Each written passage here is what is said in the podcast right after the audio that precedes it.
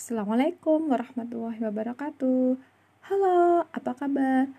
Anak-anak hebat kelas 5C, ketemu lagi dengan podcast bersama saya, Nurul, dengan pelajaran matematika, materi pembagian pecahan. Minggu lalu kita telah belajar perkalian pecahan anak-anak dilakukan dengan bagaimana? Iya, mengalihkan pembilang dengan pembilang dan penyebut dikalikan dengan penyebut. Hari ini kita akan melanjutkan materi minggu lalu tentang pembagian pecahan. Kalian bisa buka di halaman 25 buku paket matematika. Anak-anak, pembagian adalah kebalikan dari proses operasi hitung perkalian. Yuk kita sama-sama buka halaman 25-nya.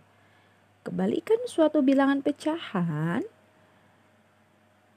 Bentuk pembagian bilangan pecahan dapat diubah menjadi bentuk perkalian ya sayang ya. Atau perkalian dengan kebalikan bilangan pecahan tersebut.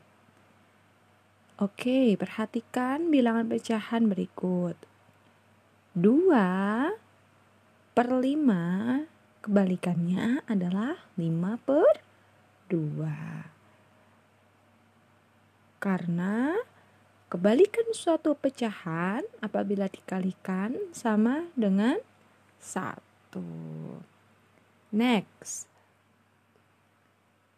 Kebalikan dari pecahan campuran. Untuk pecahan campuran harus diubah terlebih dahulu menjadi pecahan biasa. Prinsipnya sama persis seperti perkalian pecahan. Oke, kita ke halaman 28. Pembagian pecahan biasa dengan bilangan asli. Contoh. 3 per 4 dibagi 6 3 per 4 ini dibagi 6 6 nya tidak lain adalah 6 per 1 yuk simak penyelesaiannya. 3 per 4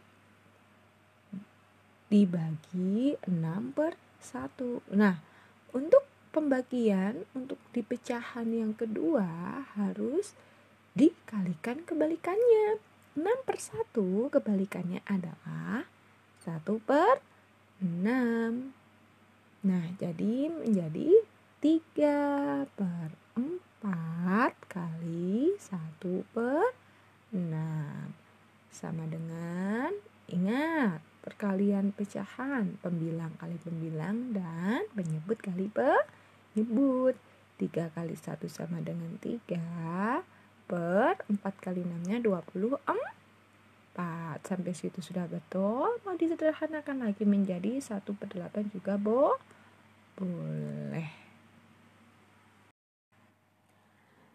Demikian anak-anak pembelajaran matematika untuk pembagian pecahan biasa dengan bilangan asli. Saya Bu Nurul, terima kasih dan sampai jumpa. Wassalamualaikum warahmatullahi wabarakatuh.